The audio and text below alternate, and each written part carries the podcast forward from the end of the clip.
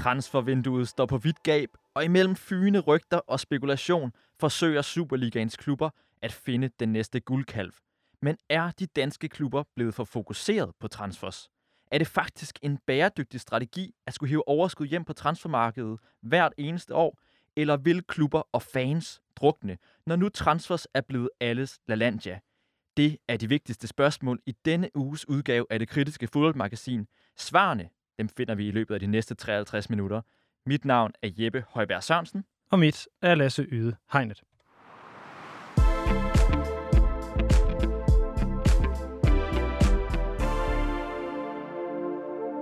Og dermed velkommen til det kritiske fodmagasin på 24-7. I dag skal vi, som vi hørte, tale om transfers. Det skal vi, fordi vi står her i midten af januar, og det er der er konstant hvad hedder det, rygter om handler og handler, der er, bliver gennemført. Penge flyver ud over det hele, og vi skal se nærmere på det her øget fokus, der er på salg i fodboldverdenen, og selvfølgelig hvilken betydning det har for dansk fodbold. Det gør vi i løbet af den her udsendelse, blandt andet med sportsdirektøren fra en af de mest sælgende klubber i Danmark, øh, øh nemlig FC Midtjylland. Så taler vi ved en økonom omkring, hvilket øh, konsekvenser økonomisk det kan have, at øh, alle klubber forsøger at øh, forfølge den her strategi med salg. Vi skal tale med en tidligere sportsdirektør om, hvad, der, om hvad kan man sige, vekselvirkningen mellem salg og kontinuitet, og så skal vi selvfølgelig til allersidst tale med en fan om, om man overhovedet kan holde med en klub, når spillerne de kommer og går, som var det en svingdør, man, øh, man bevægede sig rundt i. Og vi synes jo, det her transfermarked det er så interessant, fordi det er vækstet gevaldigt de seneste år. Både i forhold til fans interesse, der er masser af podcasts, som beskæftiger sig nærmest udelukkende med transfers, og klubberne har jo virkelig også fået øjnene op for det. Det skyldes jo også, at den økonomiske udvikling har været så voldsom. Altså, der er nogle statistikker, der viser, at i, øh, i top 5 ligaerne, der er, havde vi i, i 2010 en samlet handel på 1,5 milliard euro. Her i 2019 var den 6,5 milliarder, euro, millioner, øh, milliarder euro.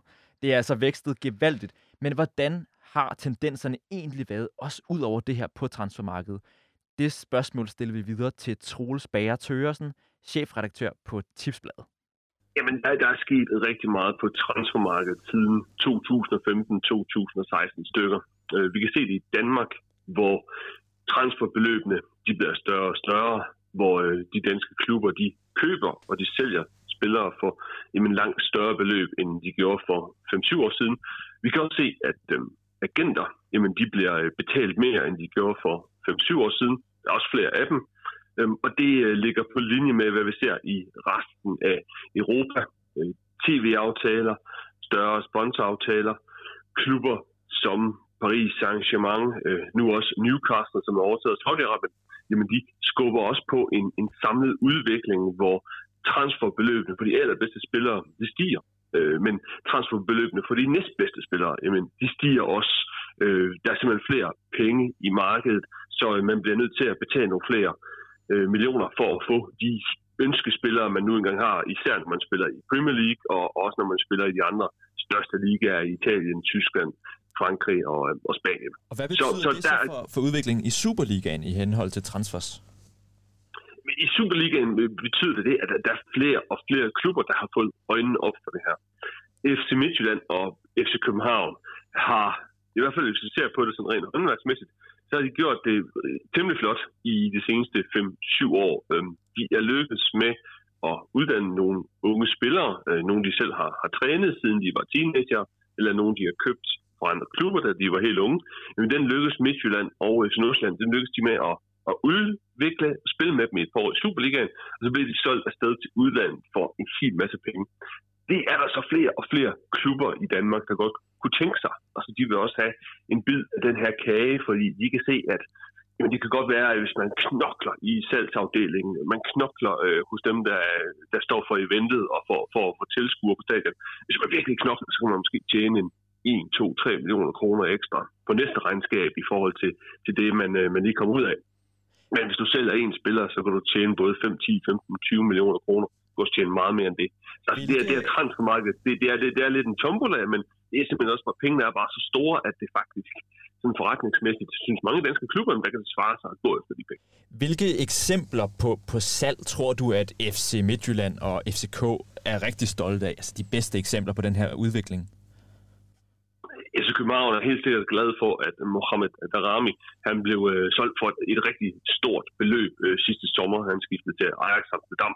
Altså hvad det beløb øh, præcis er, det, det tror jeg ikke øh, ret mange af os ved. Øh, det afhænger også af, hvor mange klausuler han indfrier, altså hvor godt han gør det i, i Ajax.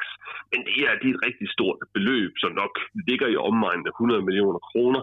Øh, for få år siden så solgte FC Midtjylland en spiller, der hedder Alexander Sørloth. Øh, ham solgte de, efter de kun havde haft ham i et halvt år. Så kom han til Premier League. Der var en, øh, en Premier League-klub, Crystal Palace, som var desperat efter at få en, der kunne score mål. Så de endte med FC Midtjylland simpelthen at tjene over 100 millioner kroner på den her spiller. Og det er jo sådan, det er jo sådan nogle tilfælde, som de her klubber, jamen, de også bruger i deres markedsføring. Fordi de vil også gerne sælge spillere igen øh, til, til udlandet. Så det er, sådan nogle, det er sådan nogle eksempler, de bruger til at vise udlandet, at hey, der, der har før været nogen, der er kommet til Danmark og købt i, i vores klubber, de har købt nogle gode spillere, så det skal I da også gøre her i 2022, kære venner. Altså nu ved vi jo så, at, som du fortæller, at, at transferbeløbene er, er vokset betragteligt. Men er det også nyt, at klubberne i så stor grad lægger deres økonomi op på, på køb og salg og overskud på den balance? Det er i hvert fald en, det, det er en udvikling i de seneste jeg vil sige, 5-10 år, hvor, hvor glidende så er der kommet flere og flere klubber, som lægger en, en betydelig del af deres økonomi an på det her fordi de kan se, at transfermarkedet er virkelig vokset i størrelse. Der er, der er en del klubber ude i Europa, som egentlig godt kan tænke sig at købe spillere i Danmark, øh, og de vil betale pænt for det. Og det, det er sådan, størrelsesforholdet er sådan, har sådan ændret sig i løbet af 5-10 år, hvor, øhm, hvor, hvor det her med at sælge en spiller, det bliver simpelthen bare øh, relativt så meget nemmere, men også så meget vigtigere, end at øh, du kan tegne det næste nye store hovedsponsorat med, med en flot stigning på i forhold til det, du kom fra. Så, så transfers kommer simpelthen bare til at, til at fylde mere og mere. Øh, men så øh, følger det selvfølgelig også, at øh, den måde klubberne giver deres økonomi, og øh, dengang den måde, de går til transfermarkedet, der bliver også lidt mere øh, casinoagtigt. Jeg har øh, to spørgsmål øh, på noget, til nogle af de ting, du siger her, Troels. For det første, ja. det, det er sådan set meget øh, kort og konkret. Nu siger du, at øh, FC Midtjylland og FCK har solgt spillere for over 100 millioner hver i, i to øh, enkeltstående salg. Bare som sammenligning, hvor mange penge tjener en klub øh, på en Champions League-deltagelse, altså hvor man skal blive mester og komme igennem og komme igennem til det fineste selskab i europæisk fodbold?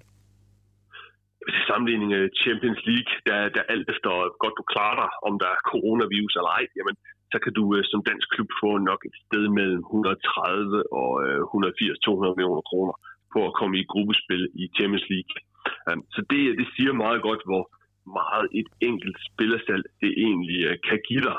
Altså tænk sig, at, øh, at hvis man sælger en spiller virkelig dyrt, så svarer det til, til et halvt Champions League gruppespil. Det svarer til et helt Europa League gruppespil.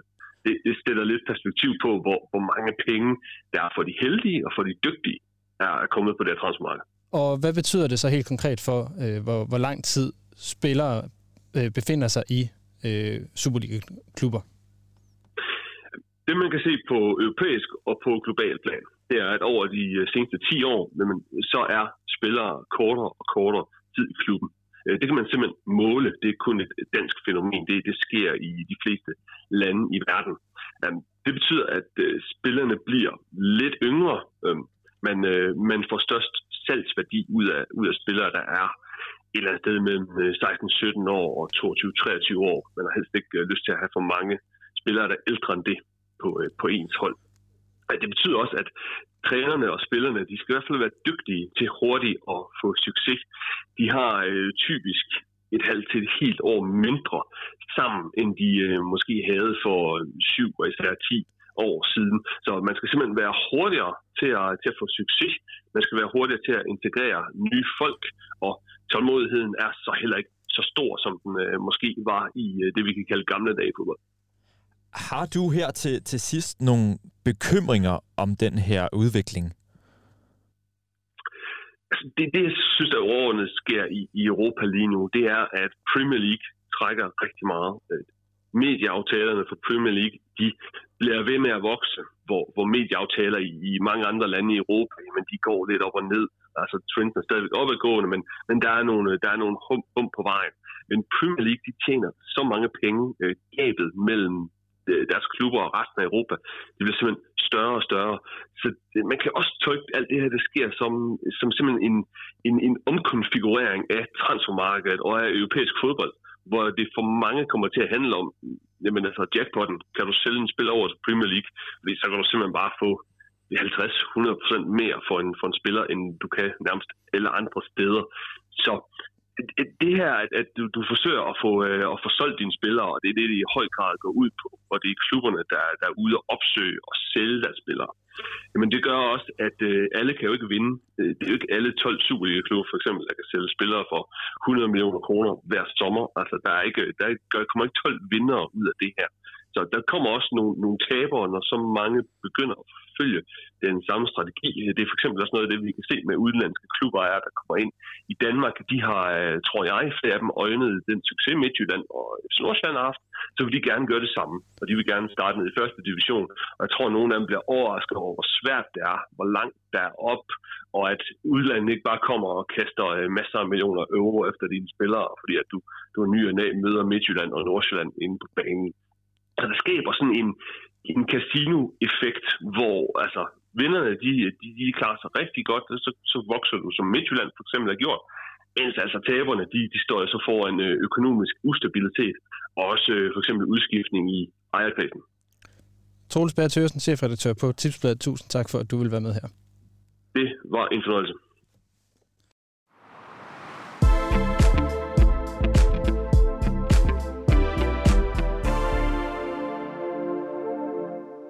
Det var altså chefredaktør for Tipsbladet Troels Bager Tørsen om øh, udviklingen på transfermarkedet. Og øh, nu skal vi tale med øh, en fungerende sportsdirektør i Superligaen. Vi skal tale med Svend Graversen, som har været sportsdirektør i FC Midtjylland siden 2017, og altså har været en af mændene bag den her store succes, som FC Midtjylland har haft på transfermarkedet, i hvert fald i forhold til at generere indtægter. De sagde på et tidspunkt, at transfer skulle være deres øh, LaLandia, altså en øh, hvad hedder det, reference til en, en forretningsmodel. Den kommer vi tilbage til senere, men øh, vi har fået nummeret her på, på Svend Graversen, så jeg tænker, Jeppe, at vi, øh, vi skal prøve at ringe, øh, ringe Svend op, og så lige høre, hvordan, øh, hvordan de tænker om deres strategi ude i Herning.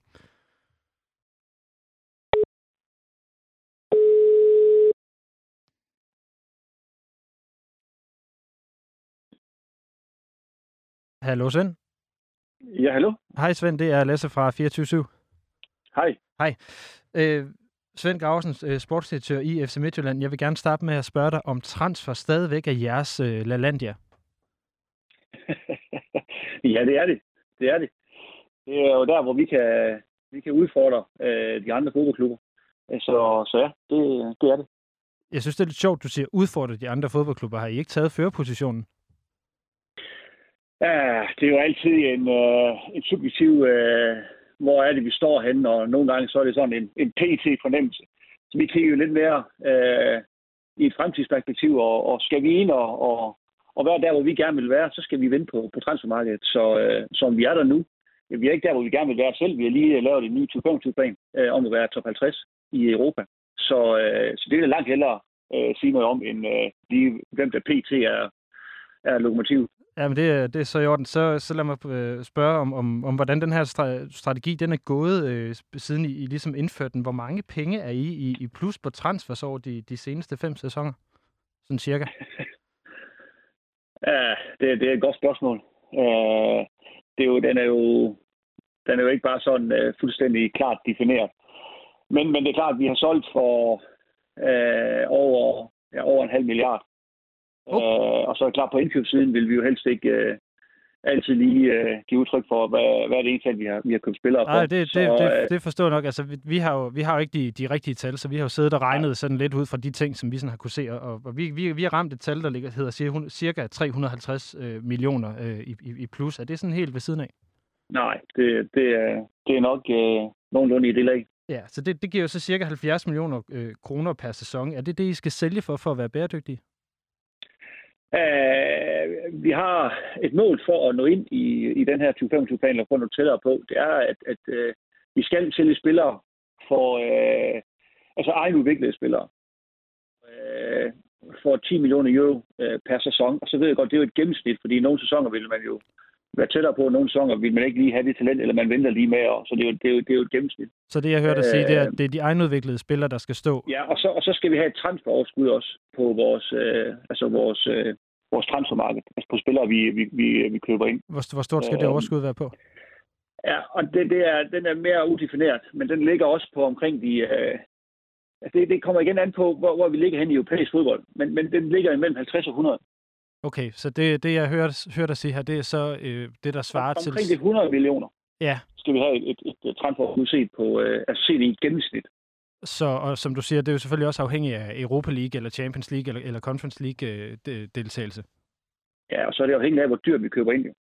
Ja, selvfølgelig, men det, øh, hvad hedder det, det, det tænkte jeg måske lidt, lidt, lidt gav sig selv. Hvor stor en procentdel er transfers af de indtægter, I, I, I har? Ja, lige nu er det jo en, en lang, lang, langt, øh, langt, langt øh, største del af vores indtægter, der bruger sig på transfer. Og så er det igen, det er afhængigt af årene. I år er det jo, er det jo stort, og alligevel så er det ikke så stort, fordi vi er i, øh, i Euroleague. Men det er klart, at vi har også et mål om at øge vores kommersielle indtægter. Øh, hvor de på de nuværende omkring 60-70 op til de, øh, op til de 100 millioner, når vi kigger ind i vores, øh, vores 2025-plan. Så det lyder som sådan cirka en 50-50 med, med, med transfer og så, og så kommersielle indtægter, som det ser ud lige i øjeblikket? Nej, altså det, det, det, nu er det, det var ikke overskud på kommersielle, det var at øge vores, øge vores omsætning på det okay. kommersielle. på den måde. Hvordan, øh, så lad mig spørge om, om, om noget andet. Hvordan, hvordan ser du udviklingen på, på transfermarkedet sådan i det hele taget? Den, øh, den er jo den er jo konjunkturafhængig. Men, men det, der i hvert fald historisk er sket, det er, at der er en kontinuerlig udvikling set over tid på, øh, på transfermarkedet. Så øh, man så jo en, øh, en lille nedgang her hen over corona over de sidste halvandet år. Øh, og så er der en tendens til, at det er ved at, og, øh, at gribe om sig igen og, og, og stige igen. Jeg skal så lige være helt sikker, når du... over de sidste 15 år, så tror jeg, I har tallene også, og så kan man se, at der er en, en stor stigning øh, på, på transfermarkedet. Og det er jo klart, det er jo det, det er jo det, vi kigger på. Vi er jo nødt til at kigge på sådan en, en, en, en, en lang tidshorisont, og ikke bare lige en kort tidshorisont. Men det, man ser i øjeblikket, det er, at man kan se, at, at, øh, at transferen begynder at, at, at stige igen. Mm. Og transfermarkedet ikke er, ikke er frosset længere, som det måske var i en kort periode, hvor corona der var hårdest. Vi har jo kigget lidt altså på, på de her tal, som, øh, som I sælger for, og hvad nogle af jeres konkurrenter i uh, Superligaen, de, de sælger for. Er det danske marked særlig godt øh, fordi at, der, at Superligaen også er den her udviklingsliga, som, som kan sælge sådan forholdsvis dyrt til øh, eksempelvis Premier League eller Spanien eller CA.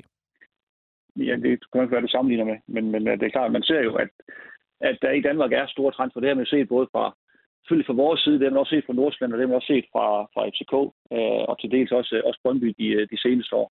Så, så, øh, så der er jo stor opmærksomhed, og så er der ingen tvivl om, at vi har et rigtig godt navn i dansk fodbold, og det har vi jo kvæg, at, at øh, landsholdet klarer sig rigtig, rigtig godt. Vores spillere er eftertragtet, fordi det er egentlig udover det er dygtige spillere, så er det også gode personer. Det, det er ambassadører for, for klubben, når man kommer rundt og, og hører i, i fodbold Europa.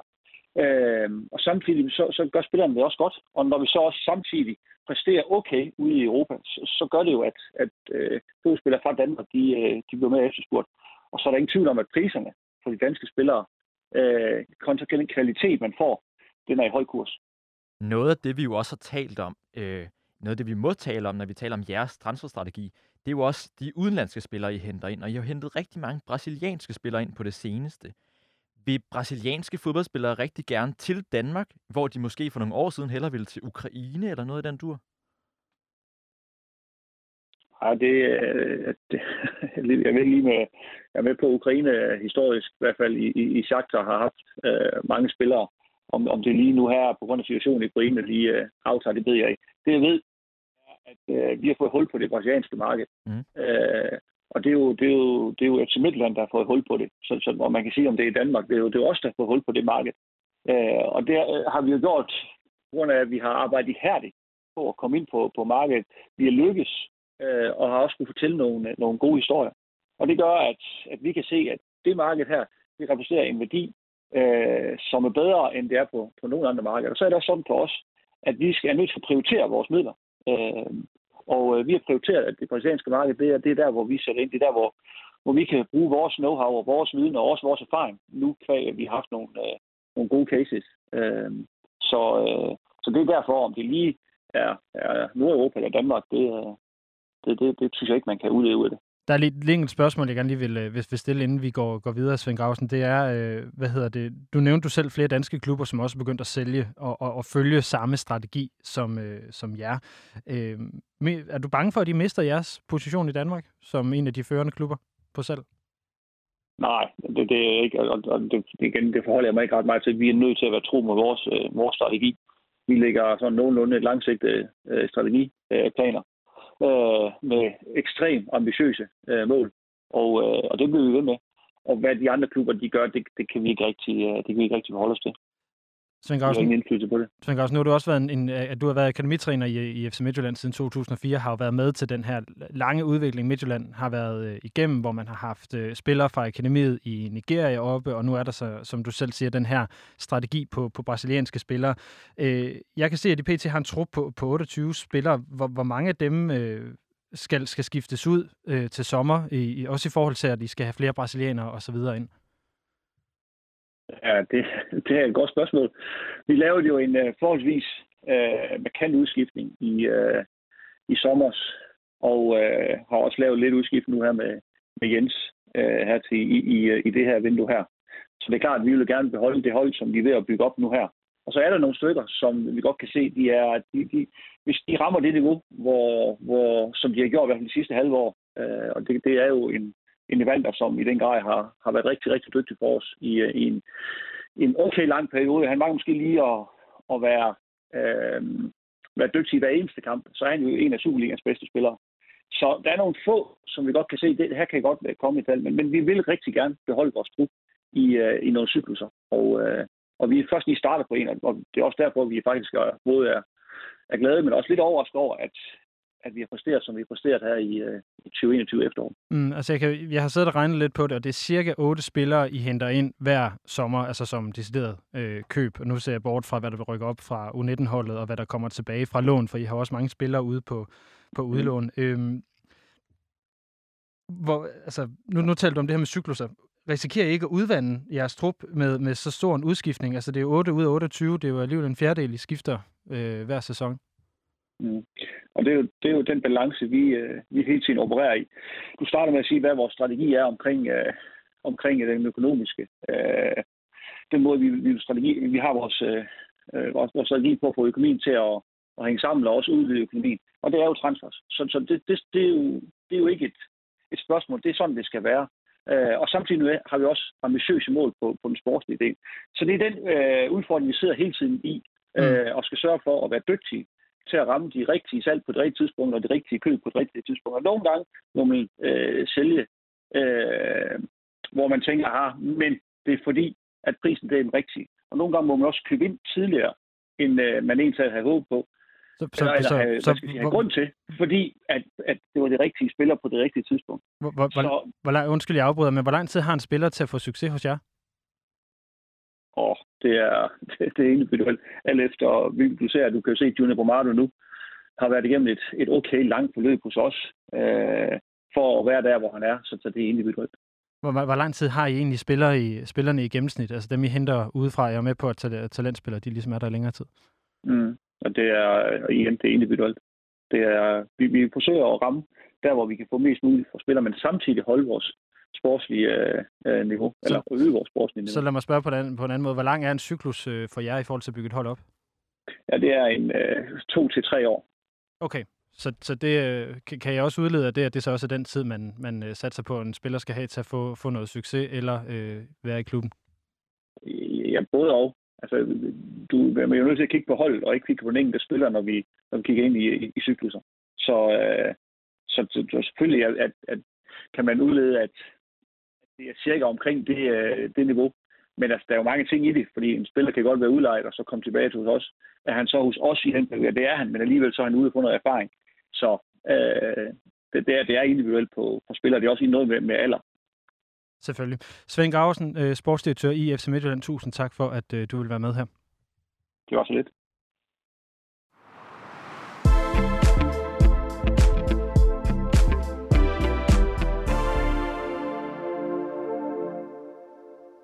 Det var altså FC Midtjyllands sportsdirektør om den her LaLandia-strategi, som de holder fast ved, kan vi høre. Men som Troels Bager Tørsen sagde i, i starten af programmet, så er det jo ikke kun ulvene fra Herning, der vil og ligesom har bundet deres økonomi op på transferindtægter i en eller anden grad. Nordsjælland er selvfølgelig det oplagte eksempel, men senest der har fodbolddirektøren, den nye fodbolddirektør i OB, Bjørn Vestrøm, jo også fortalt, at man vil være, man vil være en sælgende klub i endnu højere grad. Det samme er tilfældet i Brøndby, OB og så videre, og så videre, også længere nede i divisionerne. Men er det faktisk en bæredygtig strategi for klubberne, men også for Superligaen i al almindelighed at binde klubben op på de her spillersalg? Det spørgsmål vil vi nu stille videre til økonom og forsker i sportsøkonomi, blandt andet ved Copenhagen Business School, Lars Christiansen. Three is a magic number. Det er Lars. Hej Lars, kan du høre mig? Ja. Når du tager udviklingen på transfermarkedet i betragtning, anser du det så for en god strategi for så mange klubber at fokusere på netop transfers? Jeg ved ikke, om det er en god strategi, men man kan jo øh, stille sig et spørgsmål, om alle kan tjene penge på transfers. Altså, man kan jo, altså, nogen skal jo købe billigt, og nogen skal købe dyr, så at sige. Øhm, så så øh, ideen om, at alle kan blive verdensmester i det her, det, øh, det er nok noget naivt, og det er nok det, jeg vil være mest øh, varsom med at sige, jamen det her det er sådan en farbar strategi. Øh, man kan jo lidt sammenligne det med aktieinvesteringer. Øh, det handler om, det kan ikke være alle, der slår markedet øh, hele tiden. Øh, der er nogen, der klarer sig bedre, og så er der nogen, der klarer sig dårligere. Og det er meget sjældent, at vi kan finde nogen, der konsistent klarer sig bedre. Og det er lidt det samme her. Øh, det kan godt være, at man kan fremvise, at man over en treårig eller en femårig periode har købt billigt og solgt dyrt, så at sige, øh, i forhold til spillere. Men det er jo ikke givet, at den strategi den kan fastholdes. Og i hvert fald ikke som en strategi, som alle kan forfølge og være succesfulde med. Hvad er det for en diagnose, du vil lægge ned over klubberne nu? Altså ligner det, at de fleste klubber slår ind på det her spor med transferfokus? Ej, jeg tror måske, det er, øh, det er sådan, øh, hvis man hører klubberne, så er der jo også en selvopfattelse om, at vi har verdens bedste øh, akademi, vi har verdens bedste talentudvikling, vi finder de bedste spillere, vi er bedst til at udvikle spillere. Det er jo i hvert fald det, man hører, den selvopfattelsen er. Og så kan man jo sige, det, det er måske meget godt, men det kan alle jo ikke være. Øh, jeg vil sige, så er der jo også den meget simple forklaring, at øh, for at så at sige retfærdiggøre de udgiftsniveauer, man har, så skal man jo også retfærdiggøre en eller anden form for indtægtsgrundlag. Og hvis man ikke har et indtægtsgrundlag øh, fra tv-indtægter, fra merchandise-salg, fra tilskuerindtægter og andet, så må man jo ligesom finde på noget andet. Så, så, øh, så, så i et vist omfang bruges det her nok, så at sige, til at, øh, at fylde nogle huller i, øh, i budgetterne. Ja, fordi hvad har strategien været tidligere? Altså, det er jo ikke altid været transfers, der har været den bærende indtægt i fodboldklubber. Hvad har man tidligere bundet økonomien op på?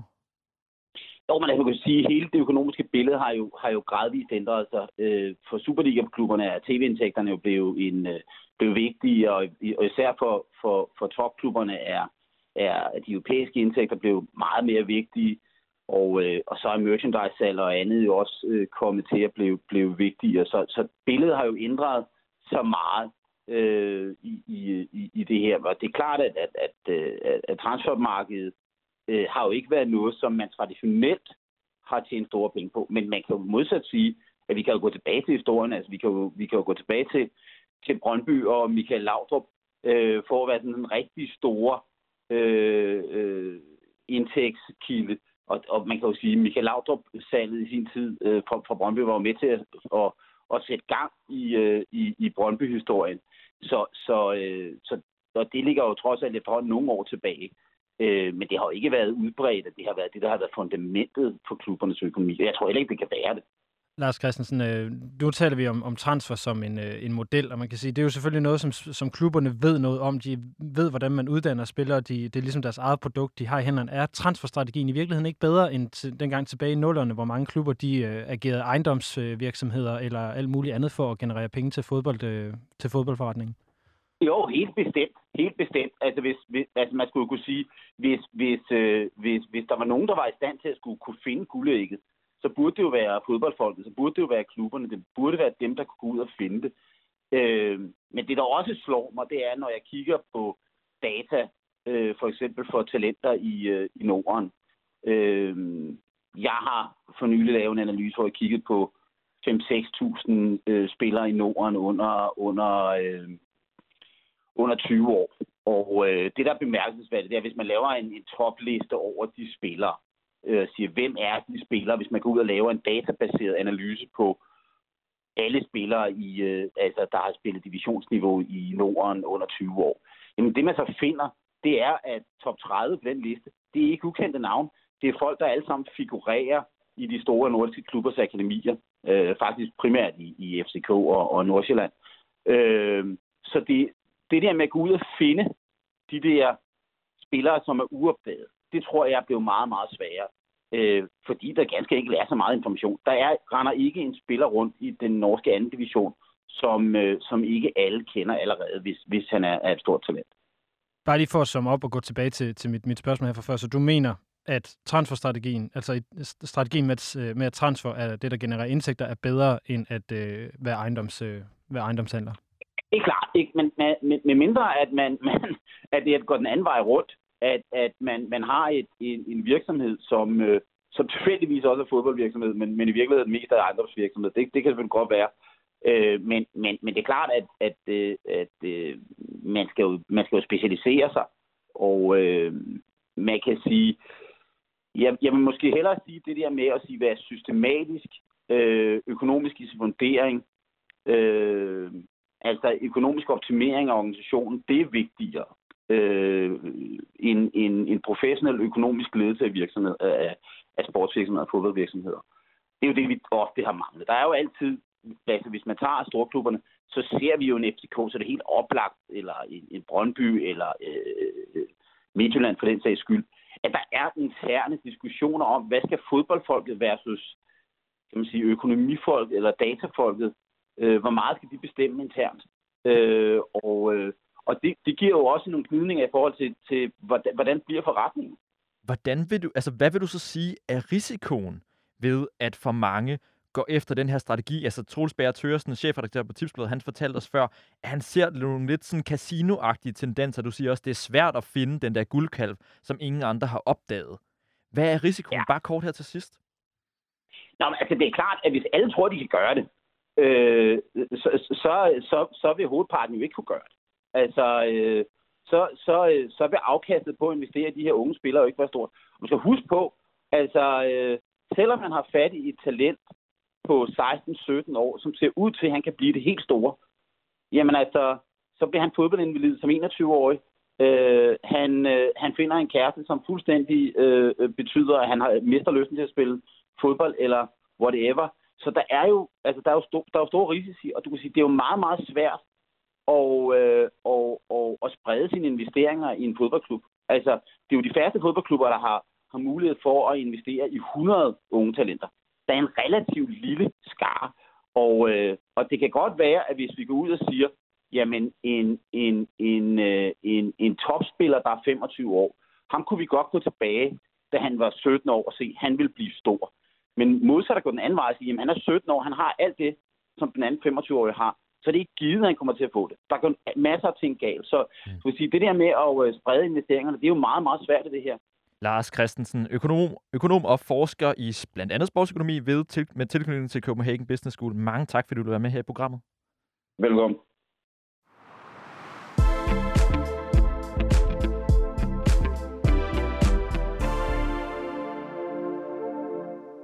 så skal vi prøve at kigge lidt nærmere på, hvordan den her balancegang mellem salg, kontinuitet og kultur, den egentlig hænger sammen, når vi øh, kigger ud i, øh, i de store klubber. Til at, at blive lidt klogere på det, der, øh, der ringer vi lige om lidt til Allan Gorte, der er partner i den virksomhed, der hedder One Nexus, som er en konsulentvirksomhed, der hjælper fodboldklubber blandt andet med at finde nye træner. Allan Gorte er også tidligere sportsdirektør i, i OB, og ham synes jeg, vi skal prøve at, at give et kald og få med nu.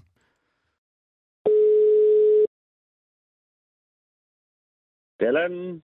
Hej Allan, det er Lasse fra 24 Allan Gorte, hvor, hvor stor en del af rollen som, øh, som sportsdirektør handler om, øh, om, at skulle, eller om at være sælger? Jamen, det, er, det afhænger af, hvilken klub du er i. Øh, Men nu, nu, nu siger langt de fleste danske klubber, at de skal være sælgende klubber, så, øh, så hvis vi prøver at kigge på, på, på dem, der gerne vil være ja, sælgende men, klubber. Øh, Jamen, der, der er klart sket en, øh, en, en tendens og en forskydning i, at købmanden er blevet en vigtigere del. Øh, det er der ingen tvivl om. Øh, hvor, hvor man ja, for blot få år siden, der var der jo ikke uh, vildt mange danske klubber, som budgetterede med spillersand som en væsentlig indtægt. Og nu er det øh, hoved, hoveddelen, i hvert fald Superligaen, men faktisk også klubber i, i, i første division, som, uh, som budgetterer med, med transferindtægter. Du sad du som sportsdirektør i OB i, i en 6-7 år. Øh, hvordan oplevede du konkret, at det her fokus det, det ændrede sig? Jamen, det mest konkrete er jo, når man begynder at budgettere med det i, i, i regnskaberne. Og, øh, og der, altså, der var, og det, og det er jo offentligt, at øh, der, der var det jo, tog man på et tidspunkt et skifte, også i den klub, jeg sad i, men også andre steder, hvor man konkret begyndte at budgettere med det, hvor man fra starten af havde set det som en øh, ekstraordinær indtægt, som kom ind, og som man ikke budgetterede med, jamen så kunne man godt se, at øh, jamen for at, øh, at man skulle kunne være hvad skal man sige, offensiv og, og øvrigt have nok økonomi til at investere i spillertrup og faciliteter og, og så videre, jamen så var man nødt til at budgettere med nogle transferindtægter. Og øh, det gjorde man jo også, fordi der var en, en, en stigning på, på transferpriserne generelt. Øh, øh, men men det er også, det er også et modsvar til, at, man, øh, at der var ligesom et våbenkampløb omkring, at man brugte øh, flere og flere penge også i, i klubberne på at, at investere. Øh, og hvis man ikke var med i det våbenkampløb, jamen så var det svært at, at, at konkurrere. Nogle... Det er jo ligesom er lidt, jeg siger bare, det der er meget, meget særligt ved sportsbranchen, som, er, som ikke er normalt i, i, hvad skal man sige, i det traditionelle erhvervsliv, det er jo, at din Altså, at din, øh, dine omkostninger, dem, dem har du, altså de, de er faste længere frem i tiden, end dine indtægter egentlig er det.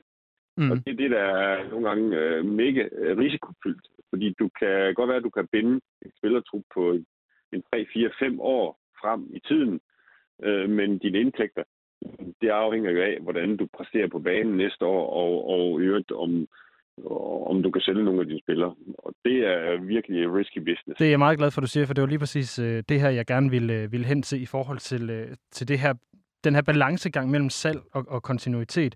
Øh, fordi du er blandt andet med til at hjælpe øh, klubber med at finde eksempelvis øh, nye trænere. Hvor ofte taler du med dine kunder om kontinuitet? Øh, det gør jeg hver evig eneste gang, vi vi, øh, vi, vi, vi, vi driver en rekrutteringsproces. Mm. Må jeg så prøve at spørge, hvor lang tid er kontinuitet?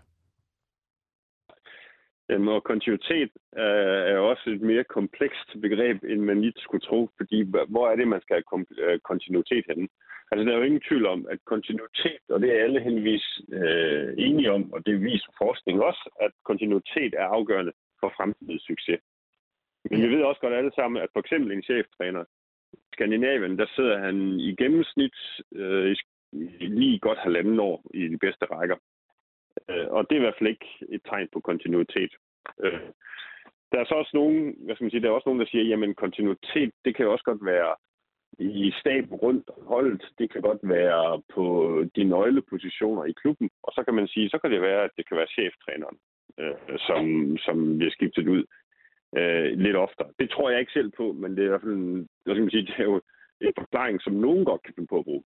Hvis vi taler om kontinuitet på spillersiden, så fortalte Svend Graversen før, at de opererer med en cyklus i den der omegn af to-tre år. Troels Bære mm. Tøresen, chefredaktør på Tipsbladet, fortalte os tidligere, at, at trænerne har nok et halvt til et helt år mindre til at skabe succes, end man havde for nok omkring 10 år siden.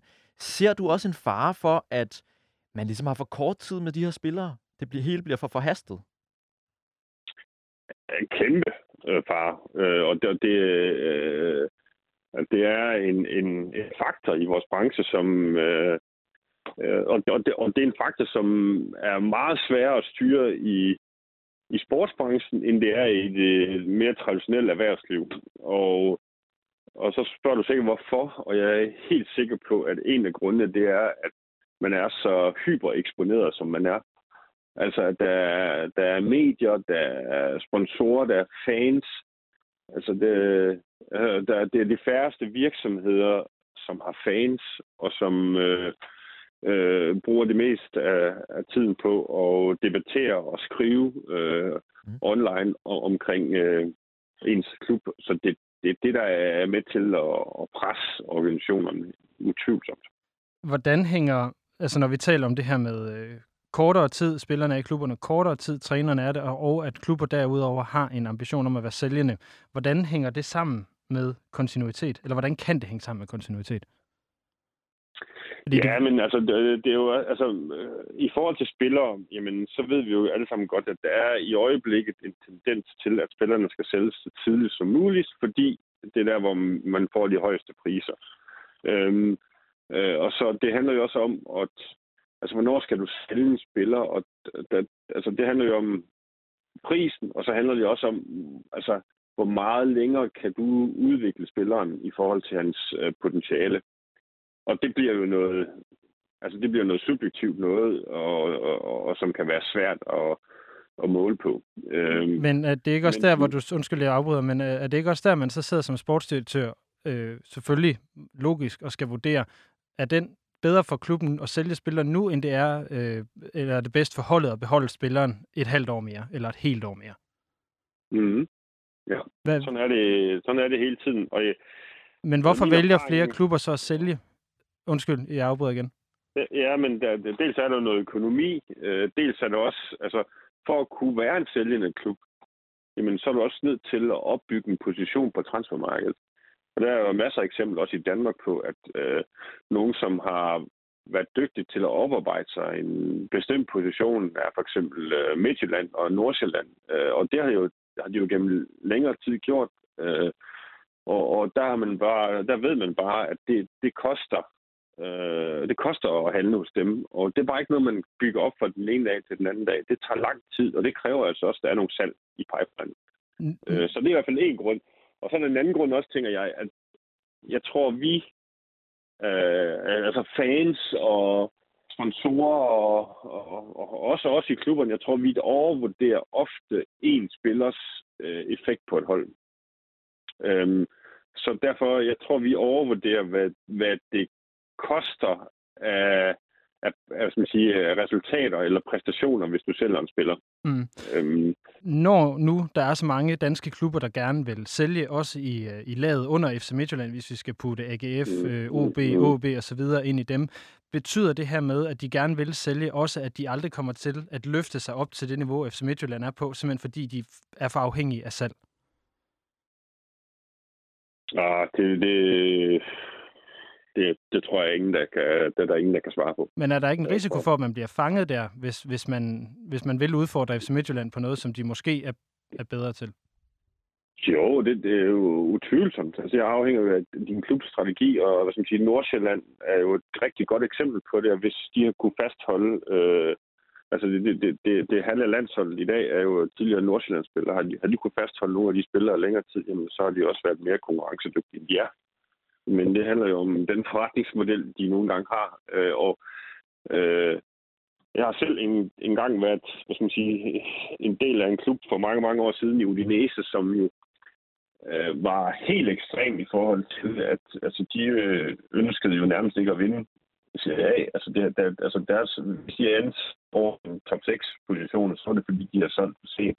Fordi det var deres, deres ejernes mål var at sælge øh, spillere. Det, det var ikke nødvendigvis at vinde til Og det er jo, altså, så, så det er jo, det er jo et andet game. Mm. Sidste spørgsmål, Allan Gorte. Øh, mener du, at transferstrategien er en casino-strategi? Nej, det, det synes jeg ikke. Det afhænger jo af, hvad er det, du budgeterer med? Altså, hvor store tal regner du med? Øh, så så det, det, det synes jeg ikke, og jeg synes også, at det kan godt give bagtangen, eller give bagslag, hvis du ser på det kortsigt. Men i stedet for at bare se det på, så nu har vi jo med at og, og, og snakke om årsregnskaber, øh, og, og, og ligesom vi tager, og, vi snakker sæsoner og så år, men hvis man kigger jo på en femårig periode, så synes jeg ikke, det er risikabelt. Allan Gorte, øh, partner i One Nexus. Tusind tak, for at du ville med her. Det var så lidt. Hej. Hej, hej.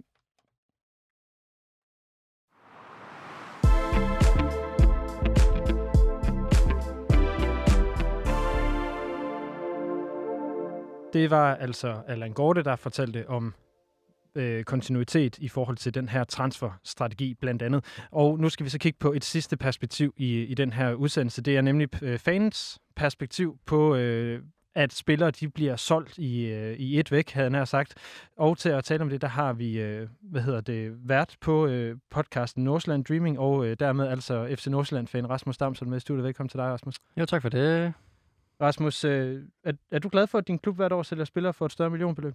Øh, at det er jo lidt mere, øh, der er jo flere ting til det. Øh, egentlig ja, det er jeg. Altså, jeg synes, jeg er meget stolt af det. Øh, især som Nordsjælland-fan bliver man ligesom nødt til at være stolt af det, for hvis man ikke er det, så, øh, så bliver det hårdt at være fan, vil jeg sige. Fordi, Hvorfor det? Jamen altså, øh, fordi de jo f- ryger som fluer. Altså, hvis man... Øh, jeg har en morfar, som er øh, inkarneret fan også, og han synes, det er rigtig hårdt, det der med, at man ikke når at lære dem at kende, altså spillerne, og inden de er væk igen. Øhm, der har det lidt anderledes. Altså, jeg kan godt lide, øh, at vi kan sælge nogle spillere for så mange penge, og så se, se dem øh, blossom andre steder, altså at de virkelig kommer til deres ret på en anden hylde, ikke? Men føler du, du når at få sådan et, et tilhørsforhold til nogle af de her spillere? Altså nu, nu er det, skal vi lige måske sige, det er jo primært unge spillere, som kommer op gennem FC Nordsjællands rækker, øh, og så bliver solgt ud. Det er jo sjældent, at man henter en spiller som eksempelvis øh, nuværende forsvarsspiller Kian Hansen, som så bliver solgt for et stort beløb. Så det er de unge spillere, vi taler om. Øh, hvad er problemet, hvis jeg nu skal tage din morfars hat på? Øh, nej, men altså, vi vil da også godt have sådan nogle øh, one-club-players, og det, det tror jeg heller ikke er urealistisk. Altså, kan vi kigge på Magnus Kofod, der spiller hos os, som det er ikke urealistisk, at han øh, skulle blive hængende. øh, og det vil jeg da ønske. Det er super dejligt at have nogle spillere, som, som har været i lang tid, og som har, en, som har øh, Nordsjælland blodet, og som, og som bliver hængende. Det, det vil jeg da også rigtig gerne have. Men på en eller anden måde øh, er det næsten større, hvis Kamaldin en dag bliver en af verdens bedste spillere, hvis han har vokset op hos os, og vi har uddannet ham. Det, det synes jeg er meget, meget stort. Hvorfor føler du så også en stolthed over ham? Meget. Ja, ja, og det, øh, jeg, jeg følger dem også. Altså, jeg ser øh, gerne kampe med, med eks-spillere og holder øje med, når Kudus, øh, nu er han så skadet i øjeblikket, for eksempel starter inde hos Ajax, så ser jeg gerne Ajax-kamp. Altså, øhm, det, det er super fedt at følge spillerne videre. Må, må jeg lige prøve at gå tilbage til det her med, med at det, det er fedt også at have nogle one-club players. Hvorfor er det vigtigt for, for, for fans af et hold, at man har nogen, der er der i lang tid? Ja, men nu er, det, nu er jeg desværre også lidt for new school til det er rigtig vigtigt for mig. Men jeg ved, at nogle af mine fankollegaer synes, det, det, det er jo ligger at have nogle øh, Stockholm MT Liga-typer i, i, i klubben længere, som, som har den her DNA, som, som, som klubben ligesom indeholder. Øhm, fordi det er jo det, man kan hænge det op på. Altså, hvorfor er det, altså, hvad er det fede ved Nordsjælland? Så er det fedt at hive nogen frem, som, som har den der DNA, ikke? Men du hiver så nogen frem, som ikke er i klubben. Jamen altså for mig, øh, altså jeg vil stadig være stolt af Andreas Skålsen og Mikkel Damsgaard og Kamaldin. Og når jeg ser dem spille nu, de to første på vores landshold, så, øh, så sidder jeg og siger til mine venner, at det er Nordsjællandsspillere, fordi det føler jeg, de er. Hvordan, altså du, du føler det, men er det også noget, du sådan kan se i den måde, de spiller på? Er der, er der noget, du ligesom føler, der, der udtrykker noget af det, du holder med ved Nordsjælland? Ja, men det er jo også det, som der så er øh, ved for eksempel Damsgaard og Skålsen. Dem, de har jo taget meget Nordsjælland med videre, ikke? Den måde, de spiller på, den måde, de opfører sig på, også når de er i medierne og private, synes jeg afspejler rigtig godt øh, vores klub og, og den måde, vi gerne vil gøre tingene på. Tror du, det er anderledes at være fan af Nordsjælland, end det er at være fan af Brøndby eller lad os Ja, sige ja. OB? Jamen fuldstændig. Altså, præmisserne er klart nogle andre. Øhm, Hvad er det så, man skal købe ind på, hvis man skal være fan af et hold, som sælger spillere, som, som, eller så offensivt, havde jeg nær sagt, som Nordsjælland Jamen, skal kunne være stolt af, at det også er et parameter at måle sig på, at, øh, at et salg også kan være øh, noget fedt. Og, og så måske også det her med at være lidt bedre til at gå ind tidligere i processen på en eller anden måde. Altså oppe i Nordsjælland kan det virkelig give på det, altså U-fodbold, altså det kan det i alle klubber, men hvis man er god til at se uholdene spille, så kan du også se en, øh, et Kudus som Kamaldin, øh, inden de slå igennem, og der er jo allerede rygter, når der kommer nogle nye, så ved vi det godt lidt i fangrupperingerne, at nu er der nogen på vej, der er virkelig er sindssyge. Lige med de to er lidt et særligt eksempel, fordi de ikke må spille, før de bliver 18 og sådan noget der, men, men det er sådan det der med at øh, holde øje med dem lidt før faktisk, og det giver motivation til at ekstra godt nede i materien, ikke bare se øh, Superliga-kampen, ikke? Mm. Deler, deler dine medfans også den her begejstring for spillere, når de ligesom har forladt klubben, selvom de måske kun har været der i et par år? Ja, det er klart, det, altså, det er jo forskelligt, ikke? Øh, Der er nogen, der er mere konservative end mig måske. Øhm, det, det, det er der ikke nogen tvivl om. Jeg tror, øh, der hvor det virkelig kan begynde at, at, at sparke, sparke, det er, hvis, hvis vi ser øh, Marcondes, øh, Max Sø, og alle dem her øh, vende hjem igen. Altså, det er jo det, vi alle sammen sidder og håber på, fordi så er der på en eller anden måde endnu mere konsensus i det her med, at man kan være stolt af at sælge, ikke? Altså, vi drømmer alle sammen om, at, øh, at de spillere, der ligesom har startet, så også vender hjem igen. Især dem, der har rigtig meget Nordsjælland DNA i blodet, ikke? Altså, som er blevet op, opvækst øh, hos os. Det, det, vil være sådan, det vil være der, hvor det så kunne begynde at give mening, at man kan være stolt af sig selv, når de så kommer tilbage igen, når de bliver 30 eller meget nu er, ikke? Altså nu, øh, det vi taler om her, det er jo også en høj høj grad det, som det her meget fluffy noget, som hedder kultur. Og øh, der er Nordsjælland jo lidt anderledes, fordi det er en forholdsvis ung klub. Det er en klub fra altså, 2003. Jeg ved godt, der er en overbygning, eller en, en, en, en moderklub, der hedder Farm Boldklub, som har eksisteret i længere tid. Men kan man tillade sig det her, fordi man er en ung klub? Var, var den gået et andet sted? Jeg ved godt, du ikke er brøndby men var Ja, den gået der? En ung klub og en klub, der ikke har øh, samme øh, øh, kæmpe store, øh, krævende fangrupperinger. Det må vi jo også øh, indrømme, øh, at vi er ikke lige så mange og ikke lige så øh, øh, hårde i vores øh, måde at gå til klubben på. Øh, det tror jeg da også helt sikkert. Øh, Og så konstruktionen med det ejerskab, der er nu også øh, en del af, af, af forklaringen. Så ja, den har nok været sværere lige at, at æde andre steder. Jeg tror, vi er lidt mere øh, omgængelige, og ellers så flytter de jo bare klubben til Hillerød, så kan vi jo bare lære det, kan man sige. Hvad tænker I omkring, at det ikke nødvendigvis var den her klub, som Right to Dream skulle overtage? De kunne nok godt have overtaget en anden klub, der var spekulation om Randers i sin tid. mm. Betyder det noget for din stolthed som fan? Du, jeg gætter på, at du blev fan før alt det her det skete. Ja, jeg er en gammel øh, farmdreng, så jeg har set dem dengang, de spillede i serierne. Øhm, dog øh, var jeg ikke så gammel, så jeg kan ikke huske det hele. Men, men, øhm, men ja, det, det, det gør man stolt, men også fordi, at hvis du spørger Jan Laversen, som øh, nu har været sportsdirektør og nu rykket et skridt længere op i hierarkiet, øhm, så vil han sige, at de ligesom startede det her ungdomsarbejde, inden der kom nogle investorer ind, både Anton Vernon og, og så videre.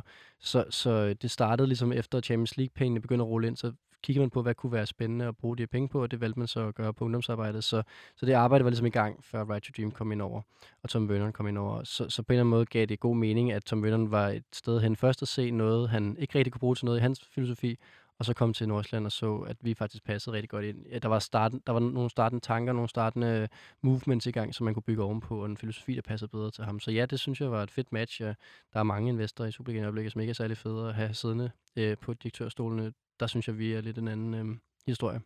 Vi hørte helt i starten af den her udsendelse Tipsblad chefredaktør Troels Berg Tøgersen sige, at øh, den her transferstrategi, som mange danske klubber går med på, er en form for casino. Øh, casino-strategi. Mm. Mener du også, at det er en casino-strategi, du ser på øh, i FC Nordsjælland? Sådan omvendt, kan man sige, eller? Ja, Altså øh, i forhold til salg? Ja. ja.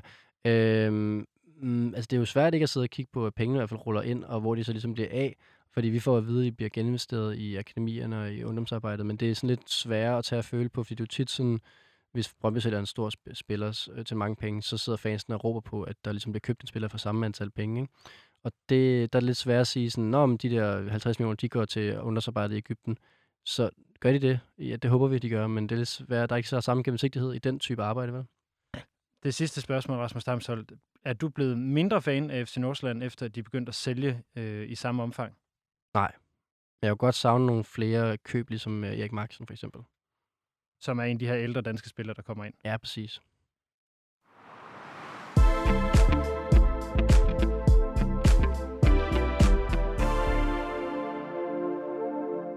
Og det var altså det hele, alt om transfers i det kritiske fodboldmagasin for den her uge.